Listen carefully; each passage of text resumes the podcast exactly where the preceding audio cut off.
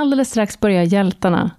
En hyllningspodd till människor som visar mod och medmänsklighet i situationer när livet ställs på sin spets. Här lyfter vi goda exempel och podden är perfekt för dig som gillar att lyssna på starka berättelser från verkligheten.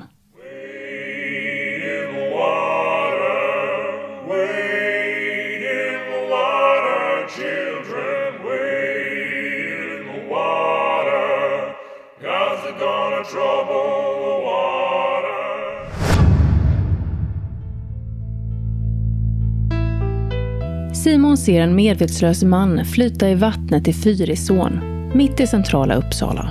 Trots att det är november och att vattnet är iskallt kastar han sig i för att rädda mannen. Så minns jag att jag kom fram till honom och, först då så var jag så här, vad är planen? Liksom, vad ska jag göra? Man kanske hade en tanke när jag hoppade i att ja, men det borde inte vara så svårt att liksom bara ta upp honom. Men, men när jag kollar upp nu då ser det ut som att det är i alla fall två meter upp till, till liksom markplan eller vad man ska säga. Det finns sällan en uttänkt plan för den som ingriper i akuta lägen. Siktet är istället inställt på målet, att rädda liv. När Simon ser mannen flyta i vattnet bryter han sig loss från skaran av åskådare som har samlats och agerar. Jag heter Jenny Burman och du lyssnar på Hjältarna, podden där du får träffa människor som ingriper med civilkurage. Osjälviska handlingar, ibland förknippat med fara för den som ingriper. Du som lyssnar är varmt välkommen. Nu ska du få lyssna på Simons berättelse.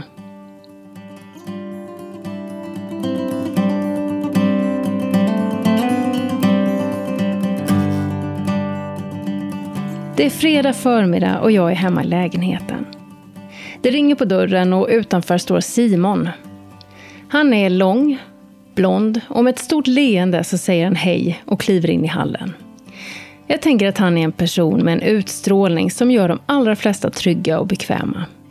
Simon är mitt uppe i livet. Han har precis pluggat klart till fysioterapeut. Han har fått sitt första jobb och störst av allt, han har precis blivit pappa. Vi slår oss ner vid köksbordet och börjar prata om saker som formar ens liv. Han berättar om en trygg uppväxt som ändå kantats av stora trauman. Nej, men jag är uppväxt eh, i centrala Uppsala eh, och hade till en början att vi var fem stycken i familjen. Eh, två syskon som var tvillingar och sen så min mamma och min pappa. Eh, och sen eh, när jag var tio så dog min ena syster. Eh, hon var tretton. Hon dog i hjärtproblem så väldigt snabbt och hastigt. Eh, och sen eh, var vi fyra kvar som levde tillsammans eh, i tio år till och sen gick min mamma bort. Eh, så vi gick från att vara fem stycken i Uppsala till att vara tre. Ehm, så, så det är väl så jag uppväxt rent familjärt. Eh, men vi har varit jättetajta allihopa och är fortfarande, vi som är kvar på jorden är jättetajta fortfarande. Umgås så mycket vi kan. Simon var 21 år när hans mamma drabbades av en hjärtinfarkt i sömnen. Och trots att han försökte få igång hennes hjärtslag var det redan för sent. Simon arbetade vid tillfället på Filmstaden i Uppsala och som ett sätt att komma tillbaka till en någorlunda normal tillvaro så återvände han ganska snart till jobbet. Det är november och det har knappt gått ett år från att hans mamma gick bort. När det är dags för nästa livräddningsinsats. Och det var lite speciellt just den här dagen för att när man jobbar på en biograf så jobbar man ju oftast kväll. Det är liksom öppettider från liksom någon gång ett, två och sen så stänger man vid tio. Sådär. Men just den här dagen så hade jag varit på ett möte Eh, jag var med i ledningsgruppen som det kallades för. Så just den här dagen så, ehm, så var jag liksom klar för dagen redan vid, om det var kanske ett eller två eller något sånt där. Vilket, mitt på dagen och det var ljust ute vilket också är ovanligt. Oftast när vi lämnar biografen brukar det vara ganska mörkt och sådär. Filmstaden ligger mitt i centrala Uppsala. Bara ett stenkast från Fyrisån som flyter genom stan. Och direkt när han kommer ut från biografen så ser han att det är något som händer borta vid ån det är ju som staket eh, som, liksom, som ska avskärma från folk från, från ån. Liksom. Eh, och där stod det, på båda sidor av ån så stod det människor som pekade ner mot ån och liksom man hörde lite, lite höjda röster och sådär. Men jag kunde inte se någonting för jag kunde inte riktigt se ner till vattnet. Så jag såg bara att det var någonting som hände, det var ganska tydligt. När jag kom dit så kan jag tänka mig att det var ungefär 10-15 människor som var där. Han bestämmer sig för att korsa vägen och gå dit och kolla vad som händer. Vid det här stället är ån ganska smal och vattnet som oftast är strömt är just den här dagen förhållandevis lugnt. och då såg jag ju på direkten då, att det, det ligger en, en, eh, en man mitt i Fyrisån kan man väl säga, liksom mitt emellan, eh, ja, mitt i ån. För det här var ju i november, så det var ju kallt ute. Och han hade ju på sig en stor täckjacka, en, som en dunjacka liksom. Så den blev ju lite som en, eh, en, lite som en flytväst tror jag. Den var ganska, så den var ganska liksom, utmärkande så. Så det var egentligen den man såg tydligast. Jag tror den var, jag för mig att den kanske var gul den här jackan också, så det var lite skrikande färg så. Egentligen var det, men han låg ju på mage då, så att man såg ju inget ansikte eller så. Jag minns att jag först tänkte så här, är, är det här en människa? Eller liksom, det kunde man ju se egentligen från första början. Men jag hade någon sån här, jag kommer ihåg det i efterhand, jag tänkte så här, är det här en människa eller typ en skyltdocka som någon har kastat i? Liksom, det var ju så surrealistiskt att se en sån här syn. Sen minns jag jag frågade, jag gick fram, det stod en, en tjej stod bredvid mig, var nog några år äldre än mig kanske. Så frågade jag liksom bara, är det, är det en människa som ligger där i? Han låg helt raklång och det var lite, jag tror det var lite därför mina tankar gick till att det här kanske är en skyltdocka eller någonting. Det kändes liksom mer rimligt i, i, min värld när man kommer ut sådär att någon har kastat i en skyltdocka, tycker att det är kul. Alltså jag vet inte. Det är mitt i stan så det finns ju massa klädaffärer med, med sådana saker. Jag tänkte såhär, ja, men det kanske bara är det liksom. Speciellt när det låg, för det var som han låg helt raklång. Man såg ju hela han liksom. Simon får bekräftat att det är ingen skyltdocka, utan att det faktiskt är en människa.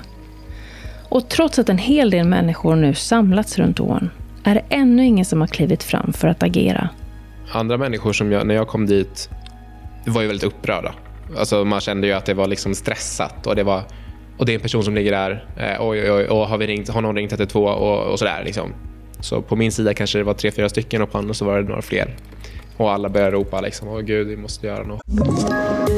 Poddtips från Podplay. I podden Något Kaiko garanterar östgötarna Brutti och jag, Davva, dig en stor dos skratt.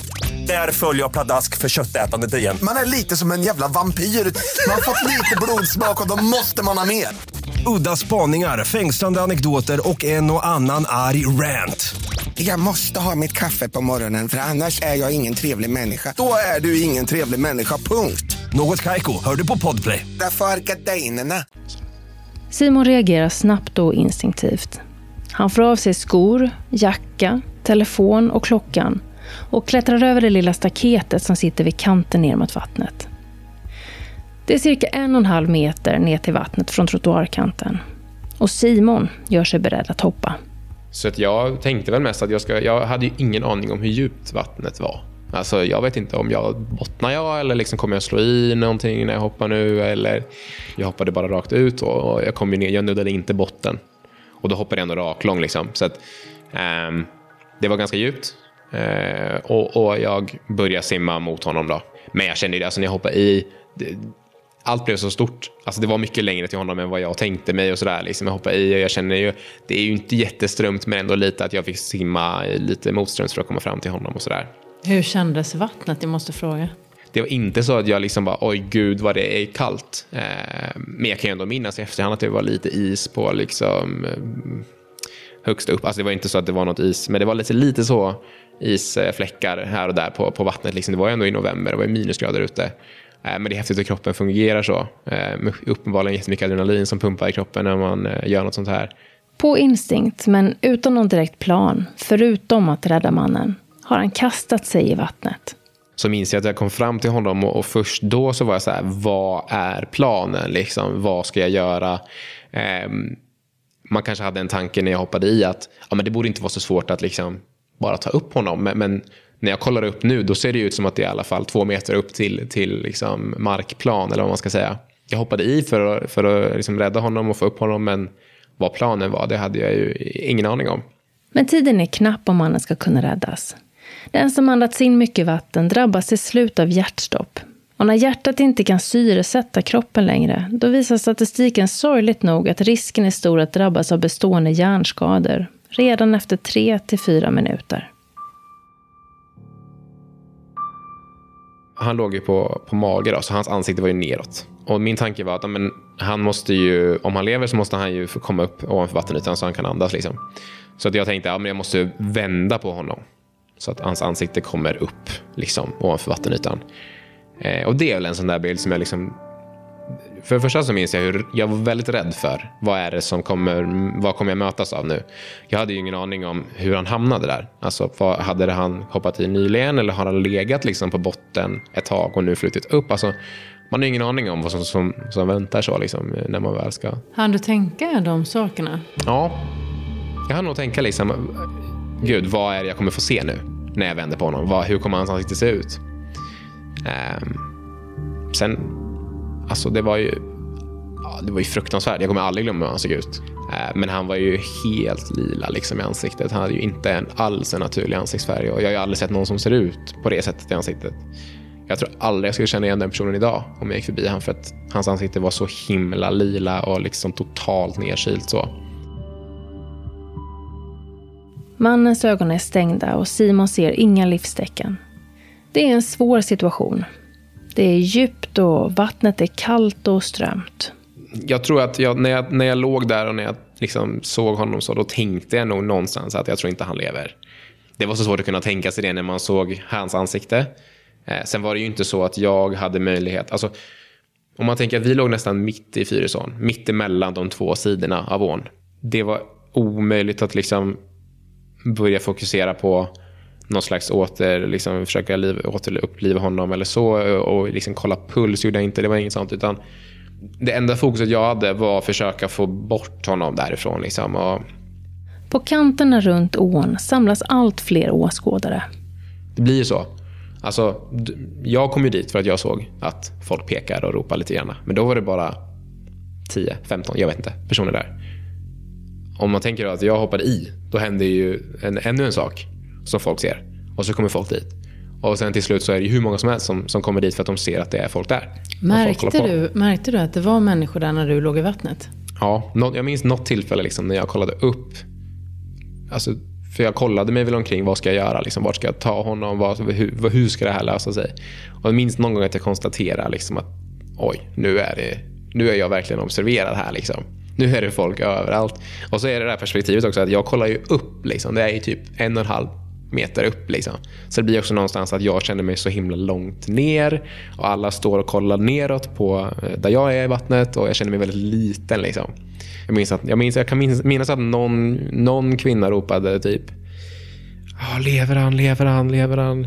Simon befinner sig i en utsatt situation.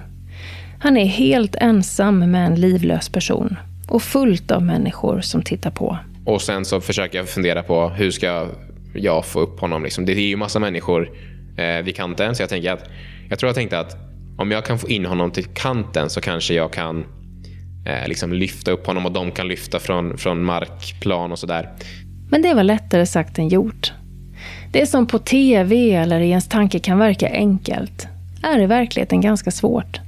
Men det var klurigt och det var mycket svårare än vad jag... Alltså det är klart att alla människor blir lättare i vattnet. Alltså att tyngdkraften inte är lika stark. Eller dragningskraften så i, i vattnet. Man blir lite lättare. Det blir alla människor. Men det var svårt att simma med en hand och dra honom med en hand utan att själv hamna under vattnet. Så det gjorde jag flera gånger. Liksom. Jag bara, det kändes ju mer och mer liksom hopplöst. Simon lyckas till slut få in mannen till kanten av ån där han själv bottnar. Stenarna är vassa och svåra att stå på. Och han känner att uppgiften känns överdådig och svår. För hur ska han få upp mannen till trottoaren? Men plötsligt hör han en manlig röst som ropar och undrar om Simon behöver hjälp där nere i vattnet. Och hjälp, det behövde han. När han hoppade i, det var ju som, för mig var det som att Ja, det var så tryggt någonstans. Alltså det känner jag, för det första känner jag mig inte ensam längre i vattnet. Jag känner mig inte lika uttittad av alla människor som stod där. Och jag tror, jag tror säkert att människor tänker liksom att ah, men det är ju redan en person där i. Han jobbar ju på det här just nu. Då kanske man inte behöver hoppa i. Det kanske, jag kanske inte fyller någon funktion. Och så. Men när han hoppade i, alltså det var ju det var så tryggt liksom, någonstans för mig också. Jag kunde lugna ner mig lite. Kanske tänka lite mer logiskt, så här, men vad är nästa steg? Och jag och han kunde kommunicera med varandra och liksom, vad ska vi göra? För det var inte så, det var inte glasklart bara för att den tillhoppade i exakt hur vi skulle gå tillväga. Men nu kunde vi i alla fall prata om det och någonstans tillsammans komma på en plan. För Simon förändras läget helt och hållet och han får nytt bränsle till sin insats. Den som ingriper vid den här typen av akuta händelser får ofta ett stort stresspåslag. Och det påverkar kroppen på en rad olika sätt. Bland annat så ökar pulsen och ämnen frigörs som ökar vår koncentrationsförmåga. Tillståndet kan också ge ett visst tunnelseende, vilket gör att det kan vara svårt att överblicka situationen. Vilket var någonting som Simon upplevde. Och trots att de nu är två personer i vattnet är läget svårt. Stenarna i vattnet är vassa och kanterna längs ån är för höga för att kunna lyfta upp en annan person.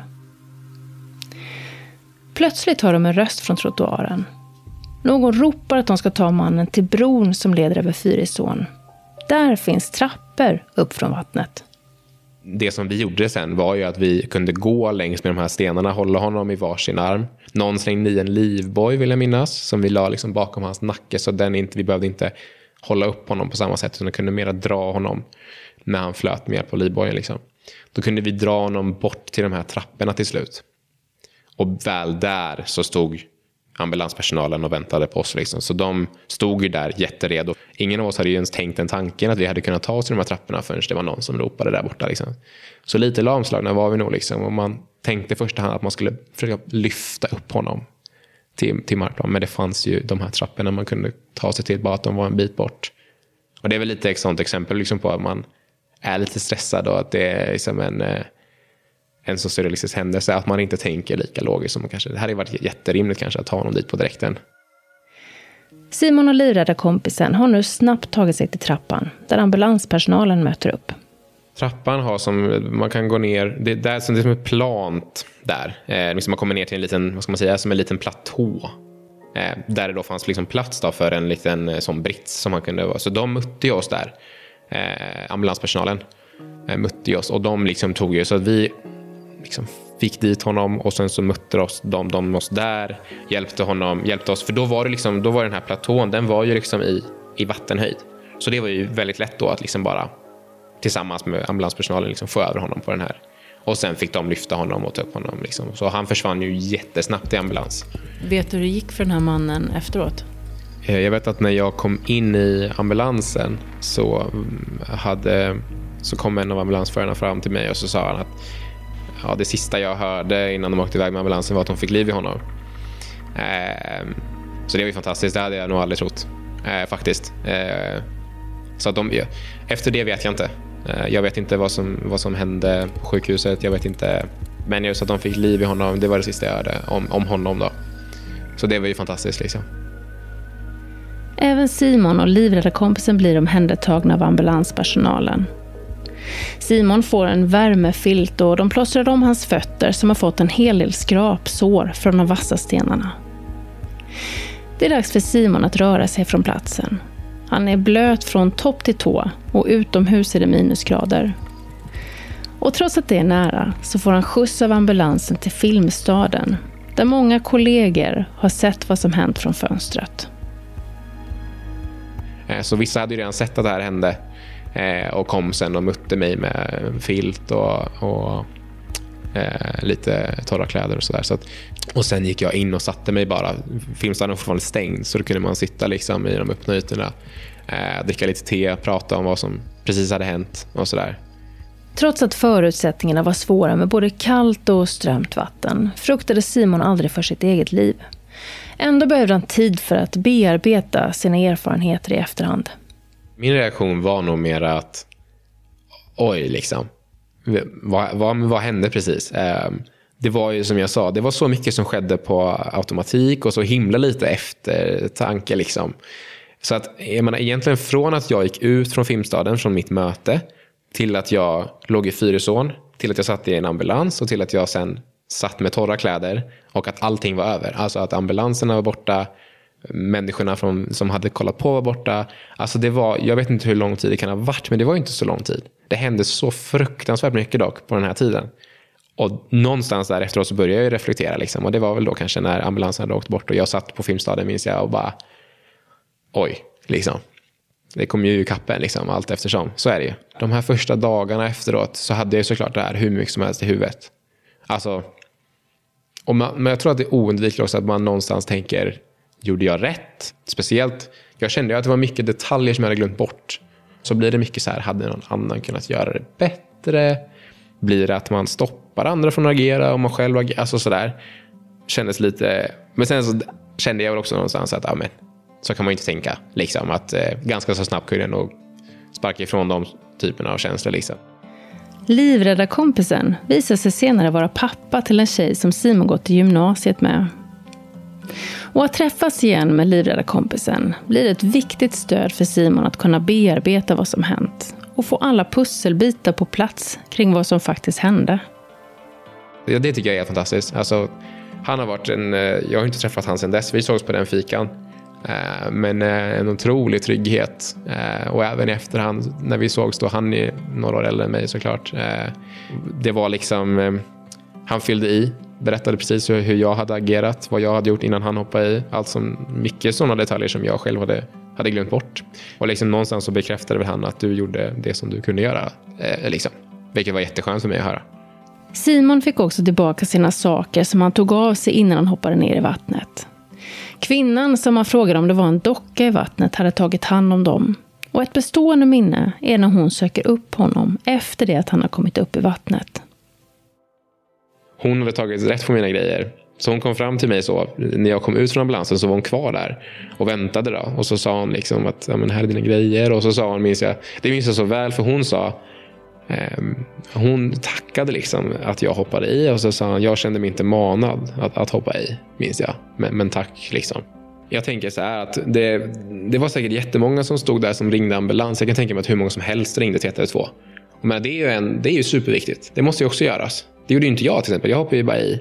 Men det var ju superviktigt att de stod där och mötte, mötte oss när vi väl kom upp. Så att, eh, och jag, jag, kan tänka mig att den kvinnan, hon hade säkert gjort hon hade säkert ringt redan. och så. Jag tror verkligen hon... Alltså, jag, menar, jag kände nog aldrig så här att ah, varför hoppar inte du i? Eller varför hoppar ingen annan? Alltså så. Eh, det kanske man inte kan begära av alla. liksom. Men någonting såklart kan man göra. Hur vi reagerar i olika krissituationer beror på många saker. Men generellt kan vi träna oss i att bli bättre på att ingripa. Vi kan precis som en idrottsatlet förbereda oss mentalt för hur vi ska göra. Men vi kan också träna oss fysiskt, till exempel genom att gå en kurs i hjärt och lungräddning. Händelsen med mannen i ån inträffar knappt ett år efter att Simons mamma gick bort. En händelse där Simon tog ett stort ansvar. Jag menar, när min mamma dog eh, så blev jag väckt av min pappa som liksom kom inskrikandes på mitt rum. Så. Eh, han hade ju vaknat och sett henne upp liksom, och förstod att någonting är väldigt, väldigt fel. Det, var, det såg man på direkten. så. Eh, men han hade inte ringt ambulansen till exempel, utan eh, han ropade på mig först. Det var hans första instinkt. Jag kom springandes liksom, tillsammans med honom. Så ringde jag 112 på direkten. Liksom. Ehm, så jag tror att även där kanske jag agerade ganska snabbt. Och lite liknande som sen när jag såg den här mannen i ån, att liksom jag agerade nog ganska snabbt vid båda tillfällena. Så det kan säkert ha påverkat. Alltså, jag vet inte om man kan få liksom lite träning så i krissituationer som jag kanske hade fått av, det som hänt tidigare i mitt liv. Liksom. Eh, att man, eh, man har sett saker förut. Ehm, och att man vet att man måste agera. Det är svårt att säga. Jag tror så här i efterhand när jag tänker på den situationen med mamma så tänker jag att man, jag förstod nog någonstans, alltså sekunden jag såg henne, att hon är ju död. Liksom. Men det är klart att när man är mitt i det och man ser det så, det är inte så att man bara accepterar det. Eh, utan ett sånt återupplivningsförsök, det, det gör man ju. Liksom. Och jag kan minnas att jag någonstans kände att om jag gör rätt nu så kanske, kanske hon överlever. Um, och samma kände jag med han i Fyrisån. Liksom, att om, om jag gör på rätt sätt nu så kanske han kan överleva det minns jag att jag tänkte mycket på i efterhand, efter det som hände med mannen i, i Fyrisån. Att inom loppet av ett års tid så hade jag försökt återuppliva två personer. Alltså det är eller försökt rädda två personer från att dö. Liksom, och det är ju det är inte normalt. Om man, om man känner att man är i en situation där nu är någonting som är fel. Eh, antingen, men civilkurage kan väl vara hundra olika situationer egentligen. Det kan ju vara allt från det som, som, som hände här i Fyrisån och till att, eh, små vardagliga situationer. Om man känner att man bör gripa in av någon anledning så tror jag man ska göra det. Eh, sen om det liksom handlar om bara att eh, göra en liten sak som att eh, ringa till 112 eller om det handlar i det här fallet om att hoppa ner i en å. Eh, gör något liksom. Eh, stå inte och bara känna att du bör göra någonting. För jag tror att det kommer nog, alltså, det kommer nog komma tillbaka till en om man känner att jag borde gjort någonting men jag gjorde inte det. Det blir fel. Att vi hjälps åt är helt nödvändigt. Vi är alla högst delaktiga i att skapa det samhälle som vi vill se. Och Simons berättelse visar att vi alla kan bidra på olika sätt. Simon kastar sig i vattnet och någon ringer 112. En livräddningsboj kastas i och en man bryter sig loss från mängden åskådare och hoppar i. Det är bättre att göra någonting litet än att inte göra någonting alls. Jag skulle vilja rikta ett tack till Simon som delade med sig av sina erfarenheter. Och jag hoppas att du som lyssnar har lärt dig någonting och fått lite inspiration. Jag heter Jenny Burman och om du vill följa den här podden i sociala medier så söker du på Civilkuragebyrån på Facebook och Instagram. Jag hoppas att du lyssnar snart igen. Hej så länge!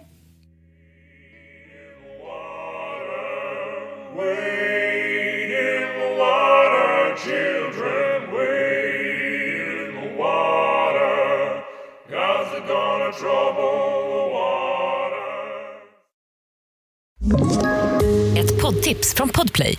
I podden Något Kaiko garanterar östgötarna Brutti och jag, Davva, dig en stor dos skratt. Där följer jag pladask för köttätandet igen. Man är lite som en jävla vampyr. Man har fått lite blodsmak och då måste man ha mer. Udda spaningar, fängslande anekdoter och en och annan arg rant. Jag måste ha mitt kaffe på morgonen för annars är jag ingen trevlig människa. Då är du ingen trevlig människa, punkt. Något Kaiko, hör du på Podplay. Därför är gardinerna.